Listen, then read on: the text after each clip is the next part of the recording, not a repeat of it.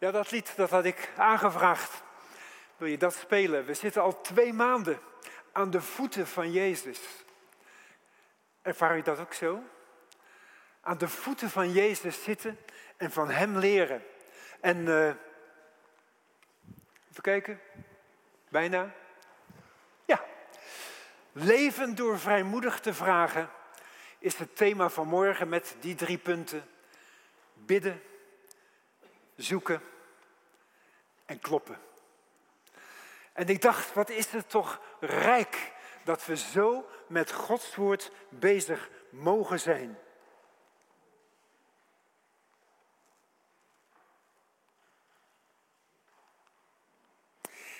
Eigenlijk is de bergrede een diamant. Zo'n rijkdom waar we al mee bezig geweest zijn afgelopen periode.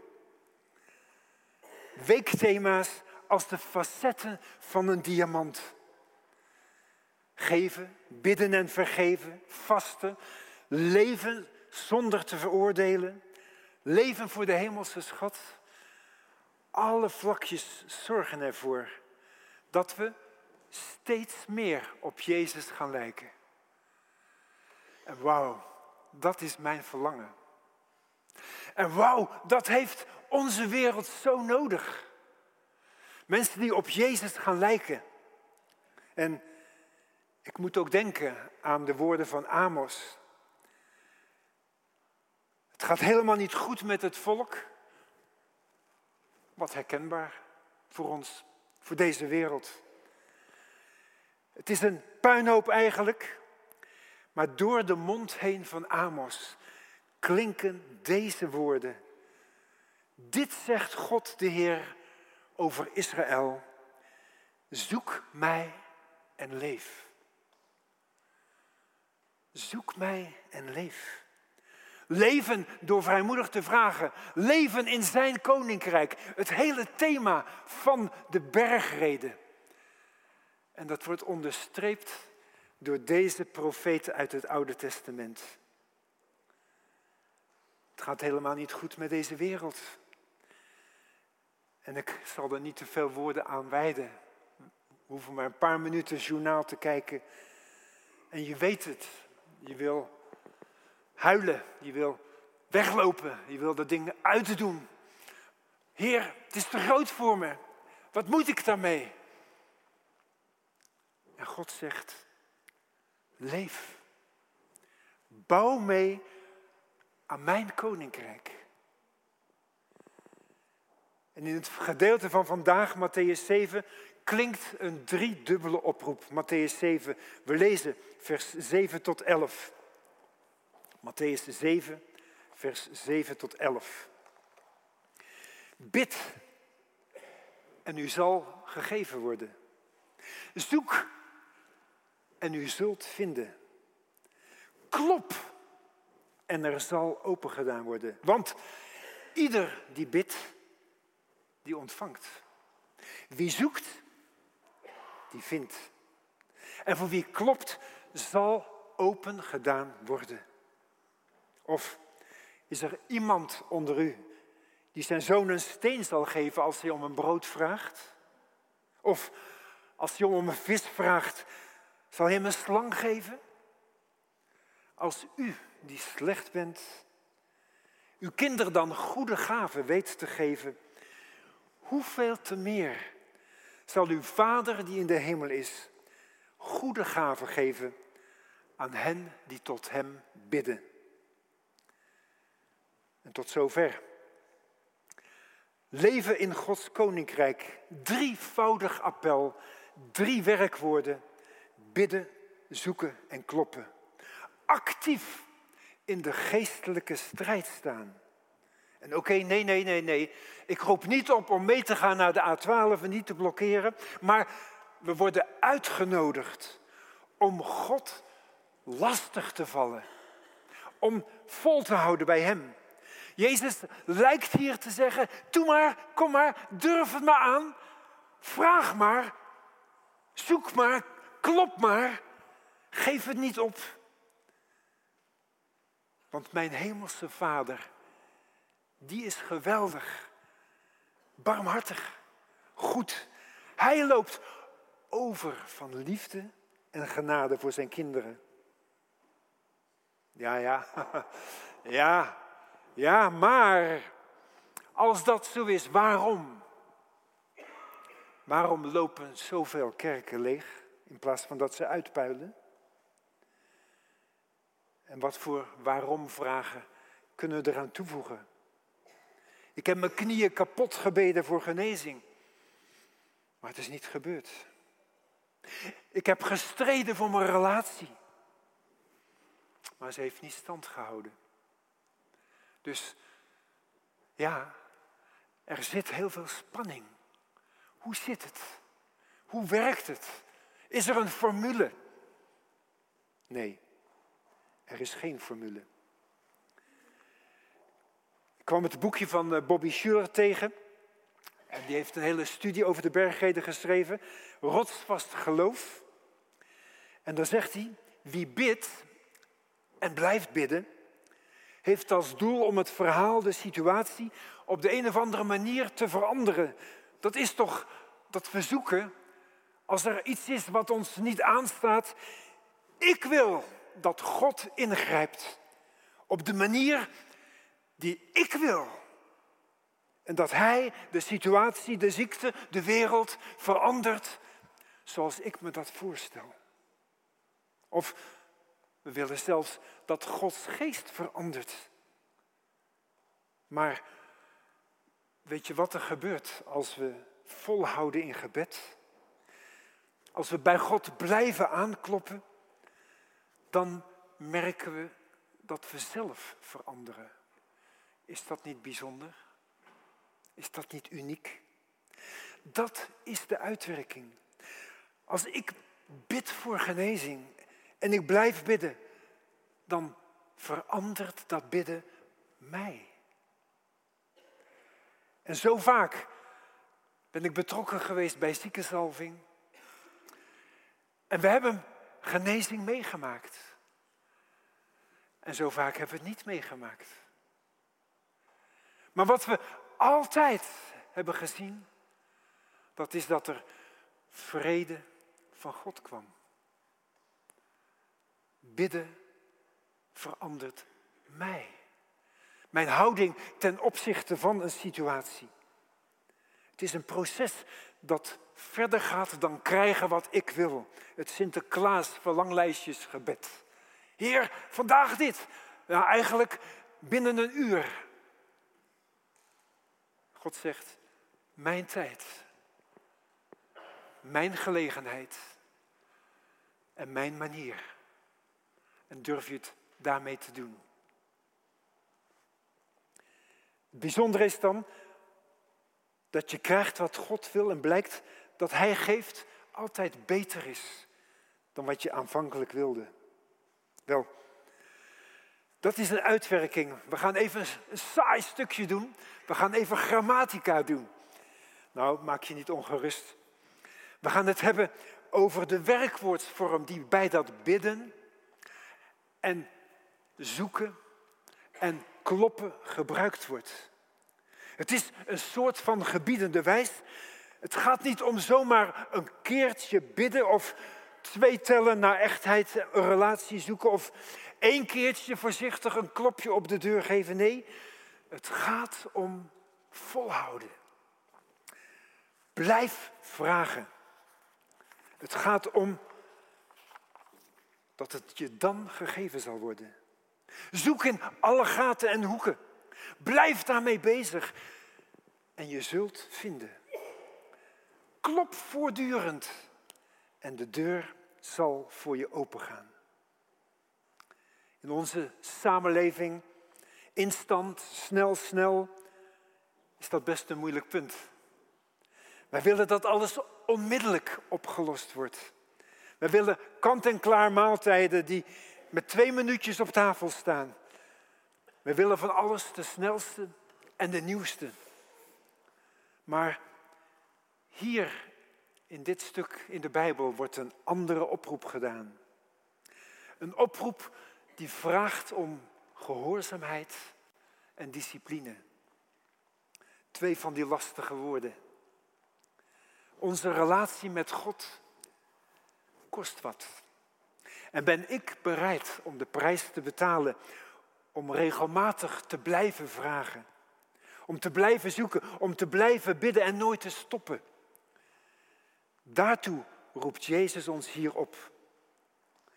Het doet namelijk iets met mijzelf als ik elke dag bid.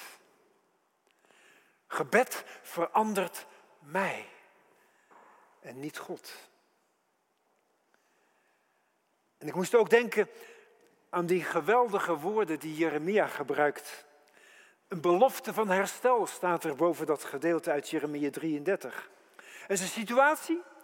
Hopeloos. Hij zit in de gevangenis. En dan wordt hem gezegd, je moet een stuk land gaan kopen. Ja, hallo. Ik zit in de gevangenis. Wat heb ik eraan? Wat kan ik daarmee? En dan komt de oproep en de belofte van herstel. De Heer richt zich voor de tweede keer tot Jeremia. Dit zegt de Heer. Dus niet een verslaggever met een gekleurde pen. En ook geen verdraaid deepfake nieuws. Maar de schepper van hemel en aarde. Wiens naam is Heer. Vier hoofdletters. Yahweh. Ik ben. Ik ben erbij. En hij zegt, roep tot mij en ik zal u antwoorden. Ik zal u grote en onbegrijpelijke dingen bekendmaken die u niet weet. En volgens mij is dat het vragen dat in Matthäus 7 bedoeld wordt. En daartoe worden wij vanmorgen opgeroepen.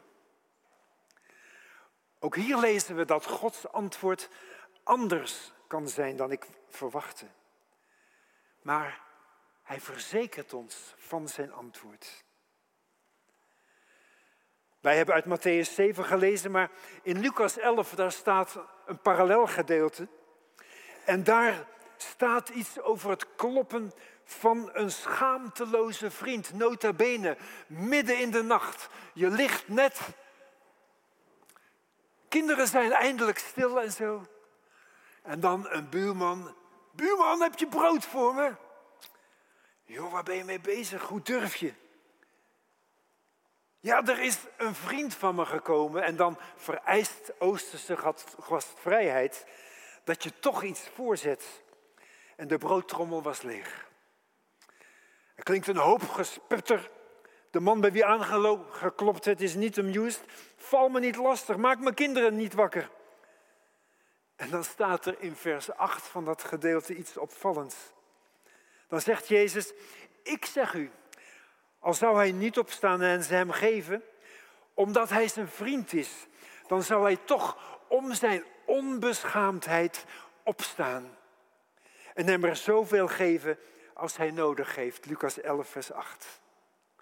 De vertaling van het boek zegt in datzelfde vers, maar als je aandringt, zal hij toch opstaan om je te geven wat je nodig hebt. Dat verzeker ik je. Niet omdat je zijn vriend bent, maar omdat je de moed gehad hebt te blijven aandringen. Ik denk dat het daarom gaat. Vanmorgen moed hebben om God te blijven vragen. Onbeschaamd aandringen. Ik noem het zelf eens, God beleeft brutaal blijven vragen. Heer, hier ben ik weer. Ik wil het vandaag ook weer bij u brengen. En dan sta je om drie uur s'nachts in je onderbroek en dan geef je toch een brood aan de deur aan je buurman. En op Gods tijd en op zijn manier beantwoordt hij jouw gebed. Zoeken. Niet zomaar je bosje sleutels. Eigenlijk staat er niet eens concreet wat je moet zoeken in de tekst. Maar we weten de hele tijd al dat het gaat om leven in Gods koninkrijk. Hoe doe je dat? Zoek eerst het koninkrijk van God. Ik wil hierbij 2 Kronieken 14 en 15 noemen. Daar lezen we over Asa, koning van Juda en Benjamin. En voor hem staat geschreven dat hij deed wat goed en juist was in de ogen van de Heer zijn God.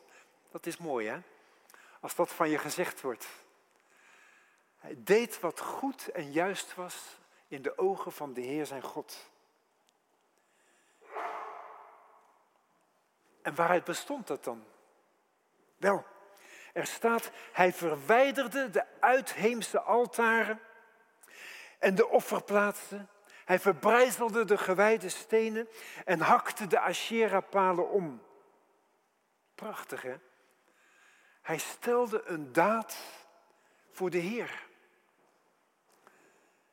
En in onze tijd mag iedereen zelf in gesprek met God gaan. Of er dingen zijn in je leven die op misschien wel een drastische manier weggedaan moeten worden. Waarom? Omdat ze je van God afhouden. En ik hoef geen uitputtende lijst te geven, dan mag je voor jezelf nagaan. Maar het bijzondere is, als je verder leest, 2 Kronieken 14 en 15, dan stopt het zoeken van Asa daar niet bij. Ook op het gebied van onderwijs wees hij de weg. Hij hield de Judeërs voor dat ze hun heil, dat is hun redding, hun genezing, hun vrede, moesten zoeken bij Yahweh, de God van hun voorouders. En zijn wetten en bepalingen moesten naleven. 2 Kronieken 14, vers 3. En zelfs in hoofdstuk 15 dan lezen we dat er ene Azaria is die gegrepen wordt door de geest van God in het Oude Testament, een mini-Pinksteren toen al. En dat hij de koning op het hart drukt om te wandelen met God. Luister naar mij, zegt hij. De Heer staat aan uw kant, zolang u aan zijn kant staat. Als u hem zoekt, daar is hij, zal hij zich door u laten vinden. Ook toen al. Maar als u zich van hem afwendt, zal hij zich van u afwenden. Zo simpel is dat. God dringt niet aan ons op. Hij heeft zich zo kwetsbaar gemaakt dat hij ons een vrije keuze geeft. En Gods verlangen is relatie. Mijn geliefd kind. Wil je een uurtje met mij doorbrengen? Wil je aan mijn voeten zitten? Wil je nog een stukje lezen over mij, wat ik al gedaan heb? En wat mooi, beeld wat Ineke vorige week gebruikte, de Bijbel. Gods woord. We zijn uitgenodigd elke dag, zoals we eten en drinken, elke dag, om Gods woord tot ons te nemen.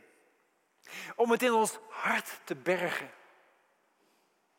Want dan hebben we kennis om te onderscheiden waar het aankomt. En onze tijd heeft dat hard nodig.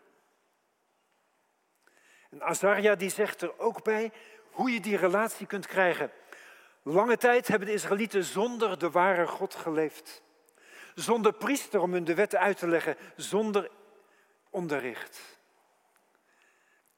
En voor Asa betekenen deze woorden dat hij de zuivering van het land van afgodsbeelden verder doorvoerde. Dat hij een enorm offerfeest heeft georganiseerd. Een feest waarop de Israëlieten zich toewijden aan God. Er staat dat ze zwoeren dat ze zich met hart en ziel zouden richten naar de Heer, de God van hun voorouders. Misschien is dat wel een moment straks tijdens de aanbidding, of aan het eind ervan, dat er een toewijding komt, of een vernieuwde, of een verdiepte toewijding. Ja, Heer, hier ben ik. Ik kies vandaag. En dan mag je zelf weten wat de geest je ingeeft. Wat God op je hart legt. Om te gaan doen, om je aan toe te wijden. En wat zo bijzonder is, er was een directe uitwerking. In vers 15, iedereen in Juda verheugde zich over de eed die ze hadden afgelegd. Godsdienst is niet saai, is niet van, oh, pas op, je moet. En oh, als, onze lieve die ziet het. En het vingertje, dat wappert alweer. En sommigen van ons hebben daar trauma's aan overgehouden. Godsdienst is relatie. God die zegt, mijn geliefd kind. Als je mij zoekt, en als je uit volle overtuiging zweert en mij met je hart zoekt, de Heer laat zich vinden. En hij verschaft rust aan al hun grenzen. Dat was in de tijd van Asa. Dus daartoe worden we vandaag uitgenodigd. Als zoekers in 2023. Misschien, misschien spreekt de Heer je aan om een daad toe te voegen. Als je denkt aan bepaalde boeken op je boekenplank, die eigenlijk geen sieraad zijn voor de Heer. Aan cd's, aan apps, aan programma's. Misschien spreekt de Heer je aan dat je je moet toewijden door je te laten dopen. Het water wacht. Begin december hebben we een doopdienst. Wat zou het geweldig zijn als de Heer je aanspreekt. Ja, inderdaad. Het is nu voor jouw tijd om een daad te stellen. En het bijzondere is van het christendom zo uniek. Als je op zoek gaat, dan is de belofte van God vast en zeker. Je zult hem vinden. Dat zegt Jesaja 55 ook. Zo mooi. En ja, daar kun je gewoon niet omheen om zo'n gedeelte. Vers 6. Zoek de Heer, nu hij zich laat vinden. Roep hem aan, terwijl hij nabij is. Als je tot nu toe zonder God geleefd hebt, verlaat dan die weg. Keer terug voor het eerst of opnieuw naar de Heer vol van liefde en genade. En dan lezen we in dat gedeelte van Jesaja 55 ook de volgende zekerheid. God zal zich ontfermen. Dat wil zeggen, hij trekt zich jouw lot, jouw situatie aan. Hij is erbij. Hij wil voor je zorgen. En het laatste stukje van vers 7 voegt eraan toe. God vergeeft je ruimhartig. De Engelse vertaling zegt abundantly, overvloedig. Wauw. Bij God gaat het niet om een afgeknepen klein beetje vergeving of liefde. Doe dan maar vooruit, ik doe het wel, maar zonder dat mijn hart erbij is. Nee, Gods hart staat wagenwijd open. Wauw. Bij die God mogen wij horen. En wil ik zo graag horen, elke dag opnieuw. En dat geldt ook voor diegene die meent dat hij het verbruikt heeft. Geldt ook voor diegene die zegt van ja, wat ik heb uitgevreten in mijn leven, nee, dat is te groot, dat is te erg. Daar wil God niet over vergeven. Nou, we hebben van de week bij Omega stilgestaan bij vergeven en verzoenen. God is zo groot. Voor Hem is niets te groot. Hij vergeeft van harte. En hij zegt, en ik doe het van je weg. En we mogen hem ook vragen om de herinnering eraan zelfs weg te nemen. Wat geweldig.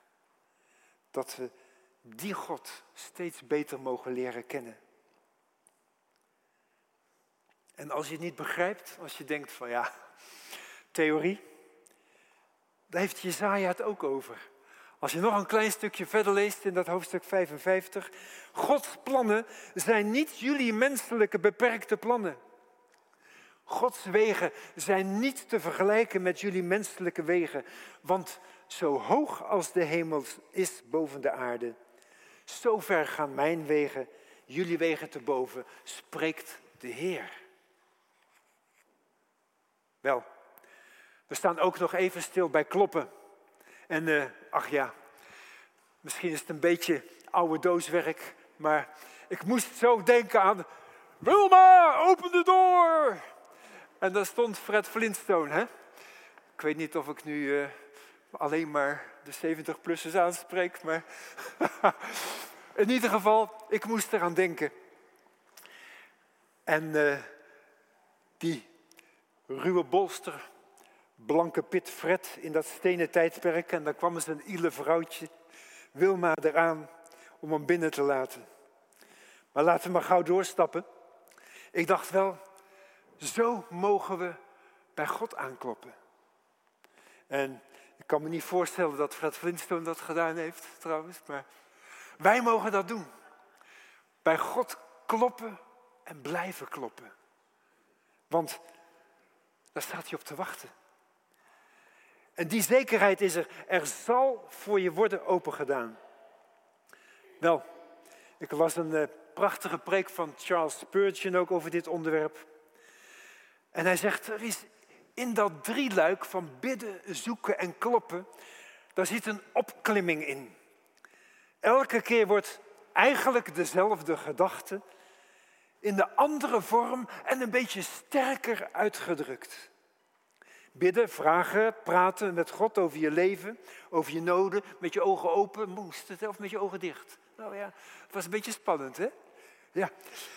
Eh, over de verlangens, die mag je bij God neerleggen. Roep mij toch aan, ik zal je antwoorden. Hebben we gehoord uit Jeremia 33. Misschien wel door het bidden heen wil God een meer bepaald en dringend verlangen in je wekken. Dan ga je op zoek. Net zoals je zoekt naar verborgen schatten. Het gaat erbij ook om kennis van God. Het gaat over overpeinzing. En vanuit God spreken kom je tot daden. Het zoeken met je hart naar Gods hart gaat je leven veranderen. Je denken, je spreken, je handelen gaan steeds meer op dat van Jezus lijken. En als je, ja, zoals wij in deze bergreden doen, aan de voeten van Jezus zit, dan gaat het je schatten van het koninkrijk opleveren. Spurgeon geeft aan dat kloppen wijst op nog indringender zoeken. Daar zit ook iets in van worstelen met de vragen van het leven. En het dan bij God uitroepen, Heer, help. Heer, doe die deur open. Heer, kom met uw kracht en uw wijsheid, met uw oplossing. Je gebruikt niet alleen je vuisten om op de deur te bonzen, maar je legt er je hele ziel en zaligheid in. En nog het laatste citaat van die Spurgeon. Bidden is doen. Zoeken is een hogere vorm om voor God te leven. En kloppen is de gezindheid van het hart. Wel nu, daar mogen we mee afsluiten. Bij het kloppen moeten we ons realiseren dat de respons niet in onze hand ligt. De Heer moet de deur van de genade voor ons openen. Maar dat is geen grote onzekerheid. O heden, hij zal wel druk zijn met al die andere miljarden mensen op dit moment. Dus heeft hij voor mij geen tijd. Dat is weer het menselijke beperkte denken. God is zo groot dat hij alle tijd en ruimte en aandacht heeft. En dan is er eigenlijk een wisselwerking. Als je openbaring 3 vers 20 ernaast legt, dan staat, Jezus klopt ook aan de deur van je hart. En hij wil binnengaan. Nou, als je die twee bij elkaar brengt, dan is het duidelijk. Roep maar, klop maar en de deur zal opengaan. En zo mogen wij ons ook vandaag openstellen voor zijn uitnodiging. Bid en je zult ontvangen. Zoeken en je zult vinden. Klop en de deur naar Gods genade, zijn liefde en zijn eeuwigheid wordt voor jou, voor mij geopend. En zo mogen we leven in Gods koninkrijk en mogen we vrijmoedig vragen. Amen.